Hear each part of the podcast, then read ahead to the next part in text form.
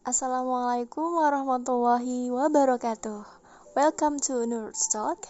Talk what I want to and hear what you need to.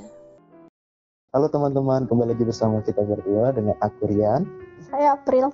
dalam review anime episode ke-6. Iya, 6 ya? Iya, Nam. Oh iya, 6. Lupa-lupa nih, soalnya udah agak lama ya. Udah agak lama atau emang lama gak sih? Iya, betul. Eh, karena kesibukan masing-masing ya, walaupun saya nggak terlalu sibuk sih. Ya oke, jadi kita akan mau bahas review anime apa nih, Dil? Anohana. Anohana, Iya. atau panjangnya adalah Ano Hinita Hana no Namae wa Boku Tachi wa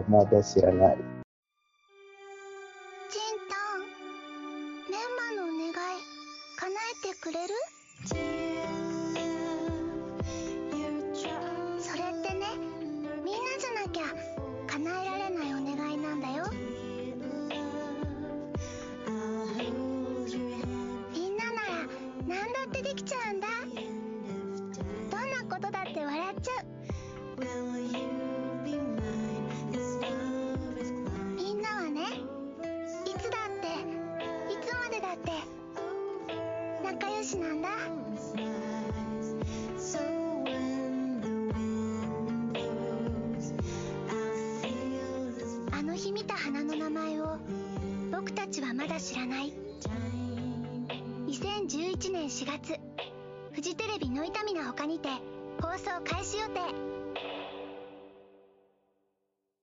チンタンメンマのお願い叶えてくれる Artinya adalah Artinya adalah eh bahasa Inggrisnya aja kali ya. The flower we saw that day, atau bunga yang kita lihat pada saat itu, pada hari itu. Iya nggak sih? ya betul sekali. Ya betul sekali. Oke, jadi anime ini kebetulan ini bukan anime movie yang seperti kita bahas seperti episode sebelumnya ya. Jadi anime ini rilis pada tahun 2011 dan merupakan anime yang sumbernya original, original, original, original atau tidak berdasarkan manga ataupun light novel. Anime ini dikarang oleh Mari dan sutradarai oleh Tatsui Nagai dengan studio A1 Picture. Nah, kemudian anime ini telah dibuatkan karena kesuksesannya dalam penayangan pertama pada tahun 2011 itu dia dibuatkan manga dan juga live actionnya pada tahun 2015. Nah, untuk ratingnya sendiri di My Animalist, Anohana itu mendapatkan rating 8,43 dari 673.447 pengguna. Nah, sedangkan di MDB ratingnya yaitu 8,2 dari 9.293 pengguna. Oke, Oke, jadi anime ini seperti yang tadi saya bilang di awal bahwa ini adalah anime yang bukan movie ya atau film seperti yang kita bahas. Nah ini adalah anime batch atau yang memiliki season yaitu cuma satu season dengan 11 total episode dan durasi per episodenya adalah 22 menit. Anime ini memiliki genre slice of life, supernatural, dan drama. Nah, untuk alur ceritanya sendiri akan kita dengarkan dari April gimana sih alur dari atau sinopsis dari Anohana ini. Silahkan April. Oke. Anohana, sebuah anime yang tadi kayak Rian bilang ya berjumlah 11 episode. Kemudian pusat ceritanya terletak pada sekelompok anak kecil yang beranjak dewasa dengan nama Super Peace Buster. Geng gitulah eh, istilah kerennya. Nah mereka tuh terdiri dari tiga orang laki-laki. Itu ada Jintan, ketua gengnya. Dia juga sebagai main lead cowoknya ada Yukiatsu dan Popo. Jadi saya sebutin nama panggilannya aja ya karena eh, nama Jepangnya panjang gitu jadi susah. Kemudian tiga orang perempuan itu ada Menma sebagai main lead ceweknya, Anaru dan Suruko. Tadinya mereka baik-baik saja sampai salah satu dari mereka meninggal karena sebuah peristiwa. Keadaan jadi berubah 180 derajat. Perlahan tapi pasti, jarak di antara mereka itu makin jauh gitu. Kemudian tumbuhlah tembok pembatas di antara mereka dan makin besar. Mereka sekarang udah jadi remaja gitu. Nah, Yukiatsu sama-sama dengan Suruko karena satu sekolah. Jadi mereka berdua sekolah di sekolah yang sama. Kemudian Jintan sama Anaro, mereka juga satu sekolah. Tapi si Jintan ini satu semester nggak masuk karena merasa sangat terpukul gitu dengan kepergian sahabatnya tadi. Popo memutuskan untuk cari kerja di luar negeri untuk mengalihkan pikirannya dari tragedi yang tadi terjadi tuh. Nah, terus siapakah sih yang meninggal? Tahu nggak ya siapa yang meninggal berarti yang nama yang belum saya sebutin? Menma. Iya betul. Yang meninggal itu Menma. Jadi kalau misalkan teman-teman berharap main like cewek bakalan berakhir sama main like cowoknya, berakhir bersama gitu. Nah, Anda salah besar gitu, karena hati Anda akan dipatahkan sejak episode awal karena si Menma ini meninggal gitu. Gitu, jadi sebenarnya kalau mau dibilang anime ini sebenarnya ada sedikit hmm, genre romance-nya, cuma kan nggak banyak ya karena dia emang nonjolin genre slice of life, slice of life-nya. Aduh, Iya iya iya. uh, slice of life, potong-potong. Jadi genre utama anime ini adalah slice of life, bukan romance. Meskipun ada sedikit eh, hal-hal yang mengandung romance di dalamnya, tapi nggak banyak gitu. Jadi buat teman-teman yang pecinta romance, Dengan drama sih. oh iya, ya seperti itu. Kemudian eh, keunikan dari cerita ini adalah ada perasaan yang tumbuh gitu di antara mereka. Mungkin karena mereka sering sama-sama dan setiap hari ketemu ya, karena kan Oh, gitu sampai mereka punya markas juga kan. Hmm, betul betul. gitu. Jadi si eh, perasaan apakah ini gitu. Jadi si Jintan itu suka sama Menma. Yukiatsu suka juga sama Menma. Anaru suka sama Jintan. Suruko suka sama Yukiatsu. Nah Menma suka sama Jintan. Tapi dia sudah nggak ada. Terus Popo gimana? Popo suka sama siapa ya Nggak ada sih. Eh, kalau Dia, dia cuma mengagumi Jintan gitu. Kalau menurut saya, saya yakin sih dia suka sama orang, tapi bukan anggota Super Peace Buster barangkali. Ya kita nggak tahu sih kan nggak dijelaskan juga. Ya, iya sih. Oke, jadi itu tuh udah bukan cinta segitiga lagi, tapi cinta poligon segi banyak. Nah, surprise-nya, 10 tahun setelah kepergiannya si Menma itu, dia tiba-tiba muncul di hadapan Jintan dan mengaku kalau dia nggak bisa ke surga karena masih ada hal yang harus ia penuhi. Tapi ia lupa gitu, itu hal apa gitu. Kemudian tadinya Jintan kira dia cuma kayak halusinasi gitu loh, karena dia kan Hmm, belum bisa move on gitu ya. ya masih ada. Ya, seperti itulah. Masih ada apa? Aku belum selesai ngomong bro. Oh iya. Masih ada? ya, ma- ya masih ada ini toh apa kayak stres gitu kan yang nggak bisa dilepaskan mungkin. Ya. Nah, ternyata dia salah gitu. Itu bukan bukan halusinasi, ternyata itu beneran arwahnya si Menma gitu. Karena si Menma tidak bisa mengingat apa permohonannya dan Jintan pun juga demikian. Akhirnya dia berinisiatif untuk menyatukan kembali teman-temannya supaya bisa membantu mewujudkan apa itu permohonannya si Menma. Gitu. Jadi eh, perjuangannya Jintan untuk menyatukan teman-temannya sekaligus mengabulkan permohonannya Menma itu bakalan diceritakan di 11 episode itu nanti. Apakah akan Hmm. berakhir bahagia atau tidak? Kita lihat saja nanti. Oke, nah tadi secara gak langsung sebenarnya aku sudah menjelaskan ya dia punya karakter siapa-siapa aja. Cuman saya akan memperjelas sedikit, sedikit aja gak banyak kok tentang siapa-siapa saja sih karakter yang terlibat. Nah, jadi yang pertama ada Honma Meiko atau Menma yang mengisi suara Menma ini adalah Ai Kayano dan yang kedua ada Jintan atau nama namanya adalah Yadomi Jinta. Terus kemudian oh ceweknya adalah Irinomyu kemudian ada Anjo Naruko. Atau nama itunya tadi siapa tuh? Nama panggilannya masa kecil Ana Jinta. Eh Anaru kok Jintan si Anjintan yang tadi. Anaru ya Anaru atau Anjo Naruko dengan seinya yaitu Tamatsu Haruka. Dan kemudian ada Ishikawa Tetsudo atau nama kecilnya tadi Koko Sehingga ini menarik ya ternyata perempuan dong. Yaitu Toyosaki Aki. Wow kaget aku.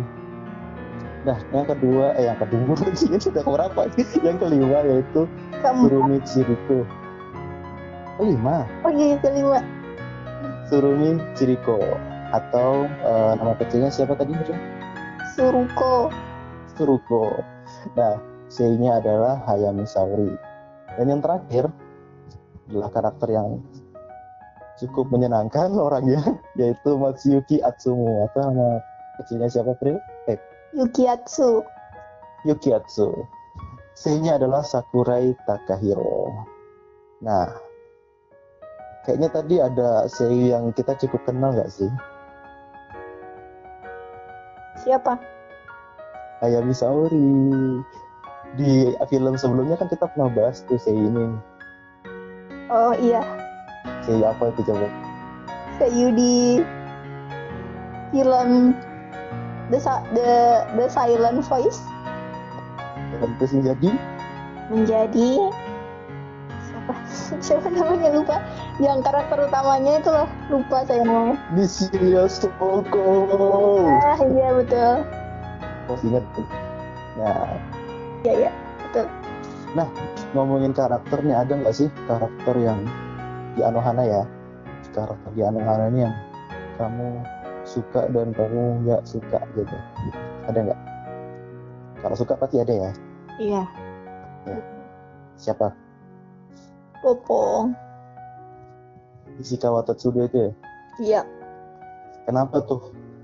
karena dia dari awal tuh kayak netral gitu loh dan dia em, bisa dibilang nggak berubah gitu loh sikapnya ke Jintan kan dia pas kecil mengagumi Jintan dan dia juga besar pun pas besar pun tetap mengagumi Jintan dan dia jadi orang pertama yang percaya kata-katanya Jintan bahwa Menma tiba-tiba muncul di hadapannya dia gitu hantu Menma Hmm. gitu sih Kalau karakter yang nggak disukai? kalau karakter yang nggak disukai sebenarnya ada tapi nggak jadi begitu gimana ya karena Gimana sih? karena awalnya dia jahat tapi lama-lama dia jadi baik gitu loh Kalau kalau jahat sih kayaknya kurang kurang tepat ya kalau menurut saya. Aku tahu sih siapa yang nggak maksud. Nggak tahu kita punya pemikiran sama atau enggak gitu. Si ini ya siapa? Ya, eh, Kiatsu siapa sih? Siapa sih kiat Nama kecil Yukiatsu. Ah, iya Yukiatsu soalnya itu ya. Soalnya dia kayak hmm, gimana ya kayak cemburu atau sebel atau marah gitu ya barangkali sama si Jintan dia kayak selalu berkata-kata kasar gitu loh setiap ketemu Jintan tuh. Padahal dia kan terkenal beda banget gitu image-nya di sekolahnya pintar dan lain-lain gitu kayak aneh Hmm. aja Tapi kalau berhubungan dengan Menma jadi berubah banget ya. ya betul Betul. Nah, kalau saya sendiri walaupun tidak ditanya Oh, iya. eh, kalau kamu ya kalau saya ini sih Menma dong Eh, selain suka karakternya dia orangnya walaupun hantu ya. Dia hantu. walaupun hantu. Walaupun hantu dia apa namanya ini? Ya banget nggak sih maksudnya? Dia walaupun eh, sebagai hantu ya walaupun dia sudah meninggal sebagai seorang anak kecil yang kemudian eh, dia muncul di hadapan Jintan sebagai orang yang seumuran gitu kan dengan Jintan kan maksudnya sudah lebih tua gitu bukan tubuh kayak anak-anak gitu tapi walaupun sifatnya masih kekanak-kanakan dia memang eh, memiliki sifat yang cukup dewasa sih menurut saya. Maksudnya kayak salah satu contohnya itu eh, kayak misalnya ini waktu adegan episode 1 ya kalau nggak salah ya kalau nggak salah nih. Tapi kayaknya bener sih soalnya baru-baru banget. Di episode 1 itu ada adegan di mana si Menman dia kembali ke rumahnya gitu. Terus cuma untuk pengen lihat keluarganya dan di situ kan dia ngeliat ibunya gitu kan. Ibunya lagi mendoakan dia dan eh, ibunya sempat bilang uh, Menma itu orangnya gini gini gini gitu. Istilahnya intinya gini apa Nela tuh kadang-kadang nggak ngerti apa pun gitu. Sampai kadang-kadang mungkin dia nggak tahu kalau dia sudah meninggal. Tapi ternyata dia bilang kalau Nela baik-baik aja terus. Dia bilang dia tahu kalau dia sudah meninggal dan meninggal. Terus ada hal-hal lain kayak misalnya dia ngerasa bersalah juga gitu loh selama hidupnya itu. Dia kayaknya sering apa namanya membuat ibunya sama pokoknya keluarganya lah sedih gitu karena dia. Gitu gitu. Kayak untuk anak kecil berpikir seperti itu kayaknya agak agak apa ya agak langka ya. Maksudnya kalau anak-anak apa sih yang dipikirin? Paling main-main main doang gitu aja nggak sih? Iya sih. gitu sih. Gitu. jadi ya kayak gitulah. Nah kalau untuk karakter yang gak disukai aku sepakat sama April karena aku juga yang bilang tadi kan. Memang Cats itu bukan karakter yang jahat sebenarnya cuma menyebalkan. Gitu cuma menyebalkan aja. Karena memang dia itu dari awal dari kecil kan memang selalu merasa kalah gitu dibandingkan dengan Jintan yang sebagai ketua dari apa kelompoknya? Super Beast Buster. Super Beast Buster nah gitu dia selalu merasa iri karena Jintan selalu bisa segalanya. Sebenarnya. Dan apalagi terlebih ketika mengetahui kalau Nana itu sebenarnya menyukai si Jintan ini. Wah makin makin gede aja dia pasti. Jadi ya walaupun setelah itu akhirnya mereka memang bisa berteman baik lagi sih. Tidak beras tidak tidak jadi untuk dibenci karakter ini. Cuman di awal-awal memang biar kita kayak kok gini sih? Ini orang gitu. Nah jadi kita udah bahas karakter yang disukai sama karakter yang nggak disukai. Nah sekarang untuk walaupun agak terlambat ya takutnya saya kayak sering lupa gitu sama hal ini. Nah jadi eh, untuk anime Anohana ini ada dua bukan dua sih ada opening dan endingnya. Nah untuk lagu openingnya sendiri ada Awi Shiori dari Galileo Galilei. Begini lagunya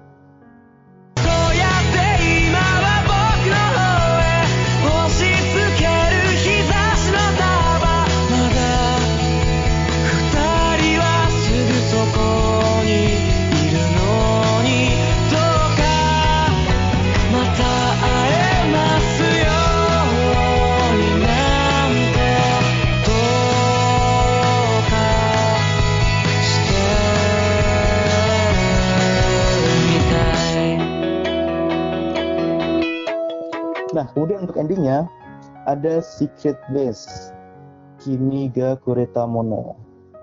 Apa tuh artinya? Apa ya?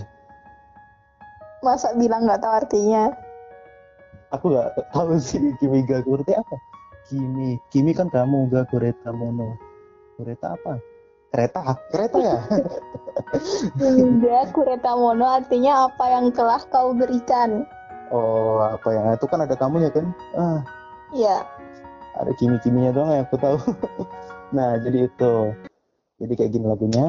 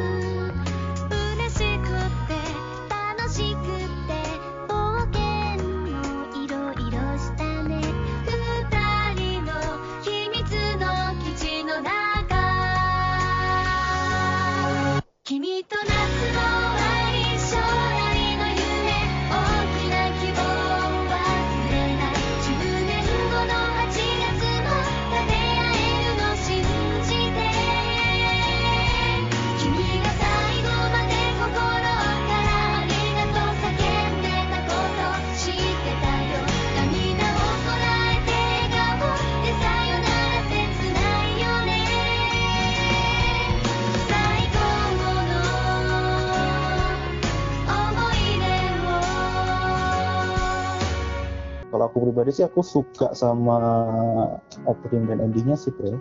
Kalau saya. Kalau kamu, Bro? kalau saya eh, biasa aja sih. Biasa aja ya. Ya karena ya lumayan enak kalau cuma untuk sekedar didengar aja gitu. Tapi Sekedar, oke. kalau diresapi nggak deh. Soalnya kan tentang perpisahan apa gimana gitu. Gitu sih. Gitu aja. Iya. oke. Nah sekarang kita masuk ke adegan favorit. Nah dari 11 episode ini ada nggak sih momen-momen atau adegan yang kamu atau episode deh yang kamu eh, sukai gitu?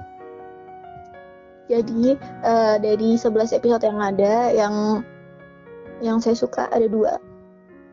oke Yang pertama episode terakhir karena itu adalah eh, gimana ya? Hal hal yang penting gitu. Hal yang penting kan di awal dan akhir kan ya. Gitu. Akhir gitu. Kemudian em, selain itu ada episode 5. Dan di episode 5 ini saya sempat kaget gitu karena si dia kan dia nggak mau kalah sama Jintan dan dia beberapa kali ngaku kalau dia juga bisa melihat Menma dan Menma juga bicara sama dia. Nah, si Jintan juga merasa aneh dong, masa Menma ada berapa gitu, bukannya Menma ada satu gitu kan. Dan si Menma ini lucunya bilang "Ah, mungkin itu hantu Menma gitu, padahal yang hantu kan dia gitu ya. Nah, tiba-tiba pas mereka ber berempat, lima eh lima kan? tambah men makan Ya nggak usah gitu kan dia bukan manusia. Tapi kan dia ikut nyari Pril. Oh iya kak, ya udah, ya udah lima. Nah jadi jadi tiba-tiba ada ada itu. Beneran muncul itu yang sosok yang ngaku sebagai Menma itu. Ternyata di episode 5 ini ketangkep dan itu adalah si Yukiatsu. Awalnya kayak aneh gitu nggak sih? Kok laki-laki bisa kayak gitu kan? Pakai baju perempuan kayak wig gitu. Jadi kan eh, ternyata si Yuki Yuki ini dia merasa bersalah juga. Kok bisa? Karena menurut dia yang menyebabkan Menma meninggal itu dia. jadi menurut si Yuki memang meninggal karena dia. Kok bisa? Iya, karena pas dia kecil kan Menma, Menma meninggalnya pas kecil kan. Itu si Yuki sebelum sebelum Menma meninggal, sebelum meninggal, eh sebelum Menma, oh iya sebelum Menma meninggal, Yuki itu, betul. Ya betul kan ya, Eh, si Yuki itu mengungkap- mengungkapkan perasaannya ke Menma, tapi dia nggak jawab gitu loh, dan dia malah memilih untuk berlari mengejar Jintan. Nah habis itu pas dia berlari itu dia jatuh, dan itu yang membuat dia meninggal gitu. Dia pikir coba aja saya nggak bilang kayak gitu ke Menma gitu, pasti Menma nggak bakal meninggal dan dia sampai sekarang masih ada gitu. Dia merasa kayak ya seperti itulah merasa bersalah banget. Apalagi itu kan orang yang disukai gitu ya. Jadi ya berat pasti. Dan juga kan si Yukiatsu itu kan sempat ngasih itu kan. Kecil waktu nembak si Menma itu. Ngasih apa ya? Ngasih jepit rambut ya? Ya itu yang kurang dari tadi. Ngasih jepit rambut. Bener-bener. Kemudian akhirnya dia buang kan. Tapi tidak mau kan ya si Menma iya kayaknya. Terus Bukan sam- kan akhirnya si Yukiatsu ngebuang itu jepit rambut itu. Oh oke. Itu ya episode lima 4 dan eh 5 dengan grade 11 kalau aku sih juga ya sama sih episode 11 gitu.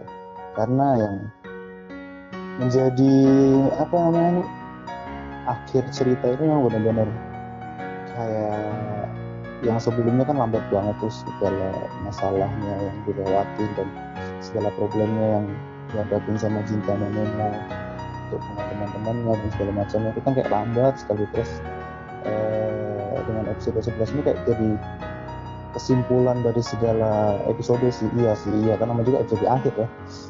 Cuman baru mulai kerasa seru aja gitu di episode 11 nya ketika mereka sudah sama-sama merasa lega gitu kayak macam sam- sama-sama mengakui kesalahannya masing-masing gitu kan. Kenapa mereka eh, kan di episode 10 kan sempat sempat mereka berdiskusi kenapa memang nggak kembali ke sana gitu ke dunianya gitu. Kenapa mereka apa, kenapa memang masih tetap berada di sini gitu.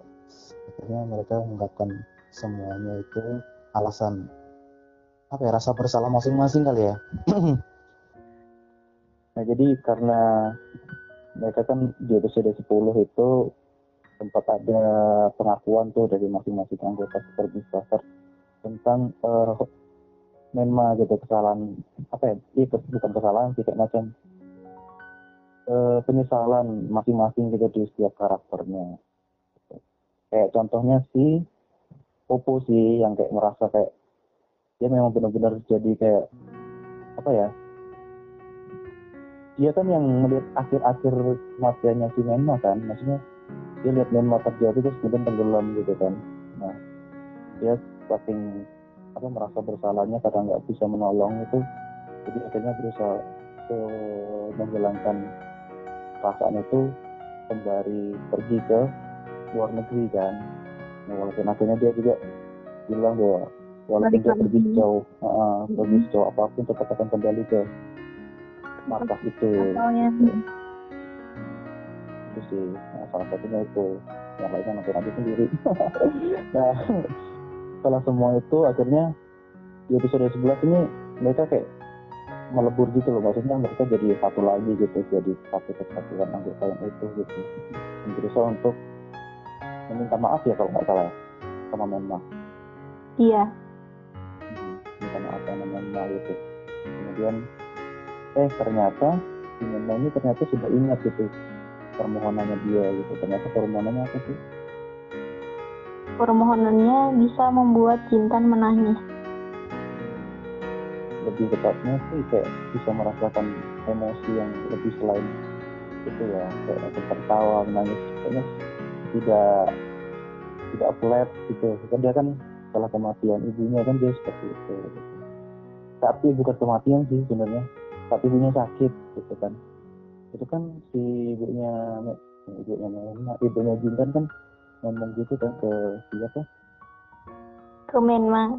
Ke Menma ya ke Menma. Kan mikir sih ke Menma gitu. Kalau dia ini pengen pengen si Jintan tuh ini si Menma juga berjanji bahwa dia akan membuat Jintan bisa merasakan itu gitu. nah ternyata ya itu di episode 11 itu ternyata Menma sudah mau menghilang dan teman-teman si apa ini atau kelompok anggota super big Buster itu sudah berusaha untuk apa ya berusaha untuk apa sih aku mau nih? berusaha untuk menerima menerima berusaha untuk meminta maaf sama Menma tapi Menmanya sudah mau menghilang gitu dan akhirnya eh, Menma juga merasa bahwa dia juga belum mengucapkan selamat tinggal yang pantas gitu ya Menma Nah, itu sudah terus eh, ternyata pas nyampe di markas Menma udah nggak kelihatan lagi tuh sama teman-temannya maksudnya sama si Jintan sih lebih tepatnya. Karena Jintan doang kan yang bisa ngeliat terus akhirnya Jintan sama sama, sama sekali nggak bisa ngeliat temennya. Nah terus nah ini dia bilang eh, dia kita main petak umpet gitu. Nah menariknya adalah kenapa dia bilang main petak umpet karena dia merasa bahwa takutnya dia mengira gitu Jintan kan sebenarnya bisa ngeliat nih Myanmar kalau menurut saya ya.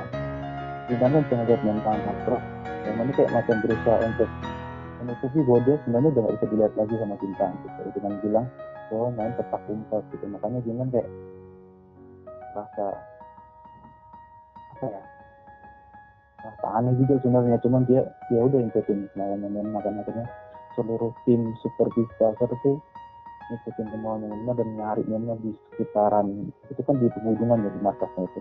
Di penghubungan situ dan sampai akhirnya ya udah ketemulah si Menma gitu saat terakhirnya di situlah ya di situlah eh, titik akhirnya ya karena memang episode akhir ya. Ya udah gitu habis itu Menma bisa mengucapkan selamat tinggal dengan pantas buat teman-temannya dan teman-teman juga. Bisa akhirnya bisa melihat teman-teman ending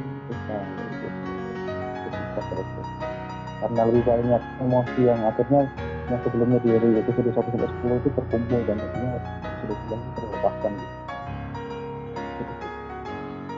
Nah, selanjutnya adalah nah sekarang kita masuk ke pesan nih kira-kira di Anohana nih tuh ada nggak sih pesan yang kiranya bisa eh, kita dapatkan dari anime ini?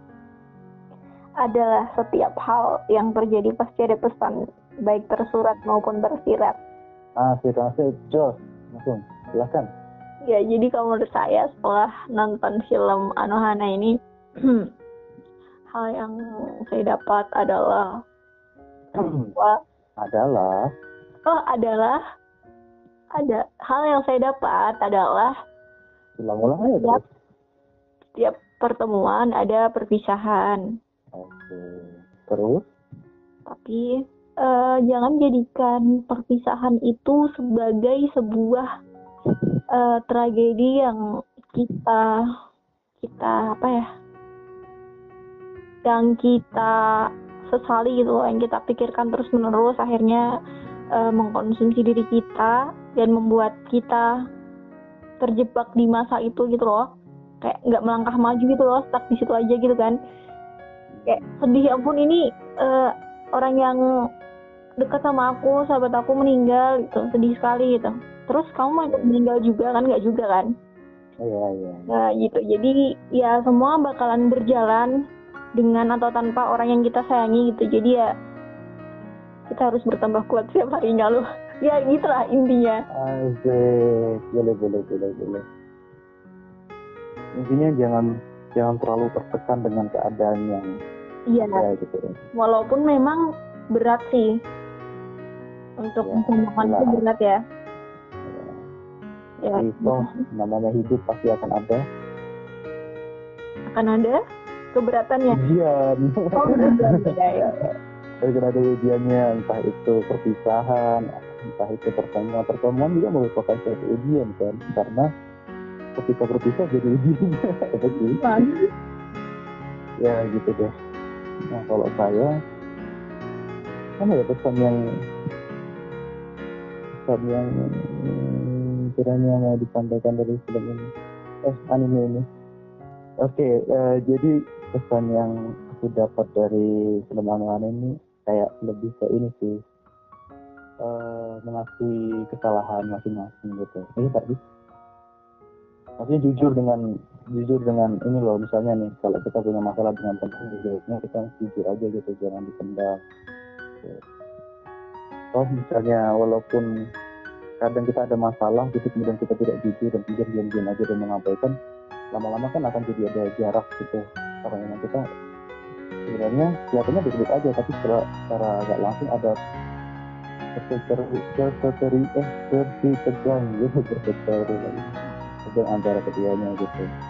Nah jadi kalau misalnya memang berbuat salah dan eh, apalagi sama teman ini yang maklum aja gitu jangan sampai dengan kesalahan itu yang kita tidak berani jujur dengan diri sendiri dan dan mengungkapkannya jadi malah memutus tali silaturahmi. Padahal kan tali silaturahmi itu sangat penting untuk dijaga betul betul betul. Iya betul. Ya, gitu oke. Nah kita udah bahas pesan kemudian ada tujuan karakter paling eh, disukai kemudian karakter yang disukai dan kita masuk ke rating pribadi. Ya. Nah kalau kamu tuh untuk film oh film terus sih aku bilangnya? Ini kan film ya? Anime. Untuk anime Anu ini Tahana no namanya Wabokuta Jiwa Mada Kirana ini.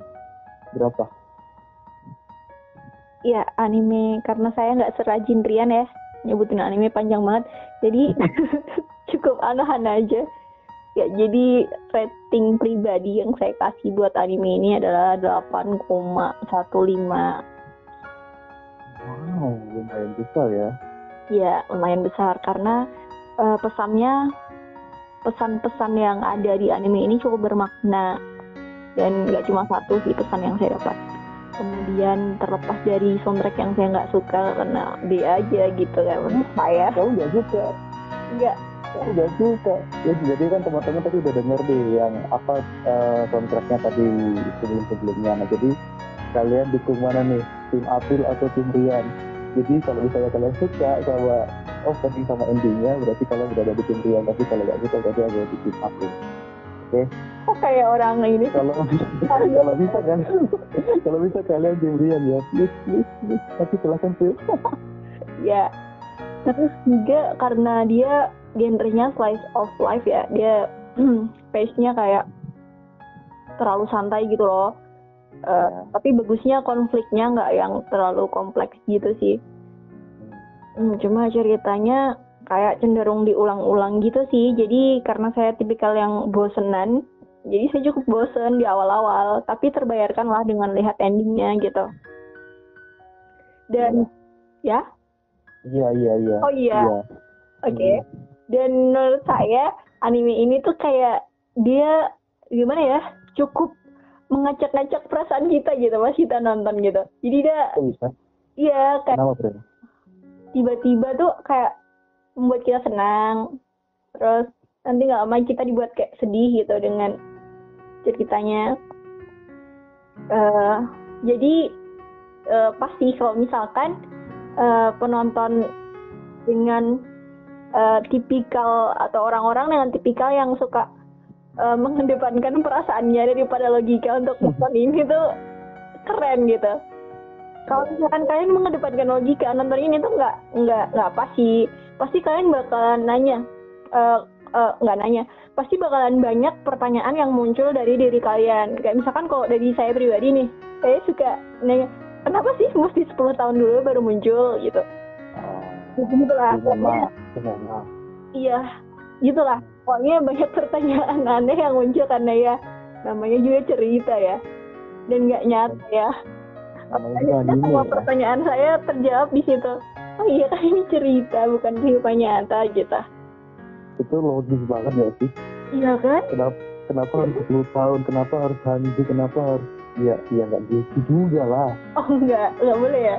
Tapi kan Kita nggak boleh. Iya iya oke lah. ya gitu kan lanjut. Udah deh kayaknya itu aja. Anda gimana? Eh Anda berapa? Oke. Anda bagaimana dan Anda berapa sama aja sih itu ya. Itu kita pribadi hmm, tidak cukup besar sepertinya seperti asli berikan ya. Karena gini, oke saya ceritanya dulu. Jadi kalau saya 8,09. Kenapa? Karena gini sebenarnya em, ini kan anime udah lama banget ya tahun 2011. Nah, dan saya mulai mendekati kita dunia animean Tapi udah lama, cuman nggak terlalu ya benar-benar ini loh apa namanya benar-benar lebih dekat seperti sekarang gitu. Atau lebih tepatnya pada tahun 2014 waktu masuk kuliah gitu enggak lah gitu. Cuman em, karena ini anime yang udah oh, lulus tiga tahun sebelum saya mendekati anime lebih dalam dan walaupun saya udah tahu sebenarnya gini kan udah termasuk cukup channel ya mungkin cukup terkenal di tahun itu nama-nama ini karena eh, banyak banget di Instagram itu kayak biasa kan ada tuh review-review gitu kan. Ketemu kan nggak pernah ketemu kan bro? Iya. nah itu kan ada adegan-adegan gitu yang mampir. Nah jadi kayak saya ini udah tahu gitu endingnya seperti apa gitu. Dan kemudian udah dengerin dari eh, cerita-cerita orang gitu kan kayak lebih kan kena spoiler dulu gitu sebelum nonton dan mungkin karena itu kali ya jadi kayak orang yang mungkin baru nonton itu bilangnya "Oh, ini sedih banget. Ya, benar-benar kayak wah kayaknya sedih lah gitu sedih banget lah gitu. Nah aku coba nonton gitu tapi kayak dapet sih sedihnya cuma nggak yang ke ekspektasi aku yang kayak terlalu sedih banget gitu. Mungkin itu karena terkalah ekspektasi itu jadi kayak lumayan mengecewakan ke diri saya sendiri yang tidak menerima sebanyak itu sih ya jadi gitu aja. Terus kemudian eh, aku suka dari di grafisnya sih. Kawan Picture memang keren keren anime anime drama dan flash flash itu jadi suka walaupun di tahun 2011 tapi tidak sebagus itu gitu.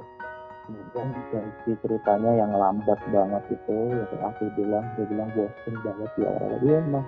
Ya di awal-awal itu membosankan banget karena jadi itu kita harus dilihatkan dengan hadap, dihadapkan dengan permasalahan-permasalahan yang sebenarnya cukup sebenarnya biasa sih cuman nggak kompleks juga.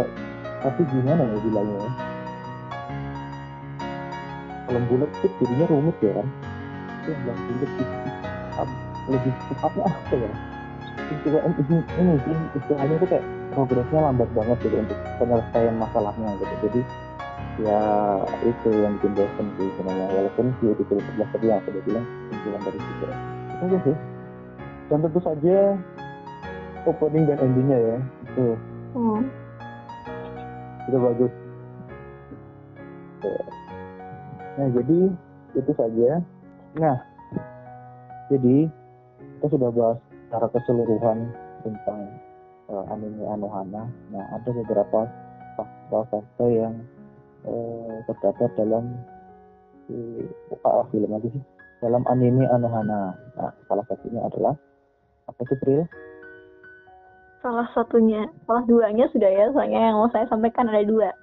Oh oke, salah duanya. Wow, nampaknya aku bersemangat sekali ya. Iya, jadi sebenarnya tidak tidak yang bersemangat sekali enggak sih? Eh, Oke. karena karena emang saya suka mencari kayak gitu sih, kayak beberapa detail yang Oke. yang nggak disampaikan. Nah, fun fact yang pertama itu ternyata cerita ini terinspirasi dari kisah nyatanya si penulis siapa tadi? Mario Okada. Oh ya, Mari Okada. Jadi memang si Mari Okada ini dari kecil itu suka menyendiri kan ya. Ya pokoknya gitu lah. Ichimori. Ichimori. Hi, hikikomori. Ichikomori, ya. Kemudian eh, dia itu diasuh oleh ibunya. Jadi eh, ibunya ini single parent gitu. Ya pokoknya sedih lah.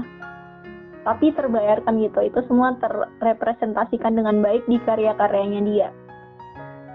Dan fact yang kedua, Ah, ada lagi. Oh, ya, dua ya. iya, Ya, yang salah kedua? juga. Oh, iya. Iya, jadi fun fact yang kedua adalah eh ternyata di anime anime Anohana ini itu scan-scan lokasinya, scene-scene, scene-scene, ya, scene-scene lokasinya itu kebanyakan ada di prefektur Saitama. Nah, tepatnya di kota Chichibu. Itu tempat tinggalnya si Mari Okada. Hmm, Itu sih yang saya tahu.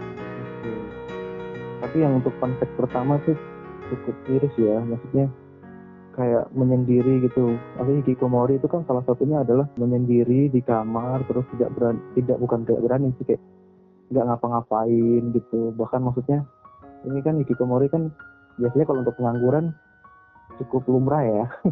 cukup lumrah nggak sih? Nggak, nggak iya. Enggak lah, nggak lumrah Nggak. gitu. nggak lurah sih cuman maksudnya di Jepang itu biasanya kalau di anime ya kalau misalnya aku ngeliatnya di anime ya banyak kan tuh hiki- hikikomori itu yang pelajar-pelajar gitu loh kayak macam mereka tuh kayak eh, antisosial gitu kayak mereka punya trauma sama berinteraksi sosial gitu iya nggak sih Hmm. ada beberapa anime yang aku nonton tuh kayak gitu apa emang di Jepang sana emang kayak gitu ya secara Maksudnya kan kalau kita ngeliat dari konsepnya tadi yang pertama tuh dia kan di tentu juga mengalami hal itu gitu. Mm-mm. Padahal kalau dipikir gimana ya, negaranya kan negara maju gitu loh, serba serba modern, tapi kok bisa sih masyarakatnya ada yang seperti itu dan dan ada dari berbagai kalangan gitu, cukup disayangkan sih dan bahkan angka kematian akibat bunuh dirinya juga banyak kan di sana. Maksudnya yang aku bingungnya tuh kenapa sampai itu antisosial itu itu benar-benar pas banget gitu yang digambarkan di beberapa anime gitu kan. Kita untuk keluar kamar aja kayak panas banget mesti harus pakai jaket yang benar-benar tertutup gitu ya nggak sih? Kayak macam misalnya beli makanan gitu di luar gitu di toko atau di supermarket atau di Indomaret misalnya. Indomaret aja. Emang nggak ada di Jepang Indomaret? Nggak ada deh. enggak ya maksudnya di supermarket biasa gitu misalnya di Jepang. Mungkin Jepang Maret gitu. Jepang Maret. Ya gitu gitulah. Itu kan pasti maksudnya eh, karena saking tidak mau berinteraksi di sosial gitu kan. Karena ya ketraumaan tadi gitu. Kan hikikomori kan salah satunya ya gitu kan. Iya sih, mungkin ada trauma kali, barangkali. kalau Indonesia sendiri kayaknya hmm, nggak terlalu banyak lah ya kayaknya.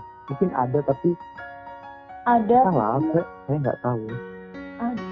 Nggak tahu ya karena nggak ada penelitiannya nggak ada datanya juga jadi dan bukan hal itu nggak ada. Kita nggak lihat bukan berarti itu nggak ada kan? Mungkin ada tapi disembunyikan gitu barangkali. Apalagi karena juga Indonesia kan orangnya terkenal ramah-ramah ya, ya kan Iya sih.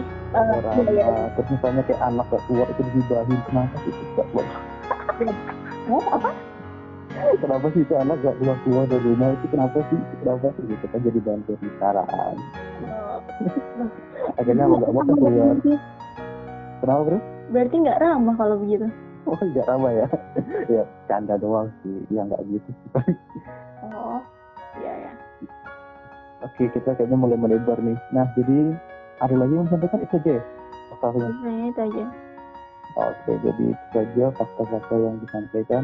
Nah, jadi secara keseluruhan begitulah anime Anohana. Nah, kalau menurut teman-teman gimana nih? Jadi termasuk watchlist gak sih? Kalau aku saranin buat teman-teman yang mau nonton aja sih. Dan itu nggak ini kok nggak apa nggak rugi. Banyak banget yang kayak aku sampaikan tadi pesan yang didapatkan gitu dari anime ini. Jadi kalau misalnya kita nonton terus kita pintar-pintar memilih, memilah gitu dan menangkap pesan-pesan yang disampaikan dari anime. Nah ya kadang anime itu selain melepas rasa kebosanan juga jadi penyemangat. Nah sekian dari kita berdua kita pamit undur diri. Aku Dian Saya April. kita undur diri bye bye Sampai jumpa di episode selanjutnya.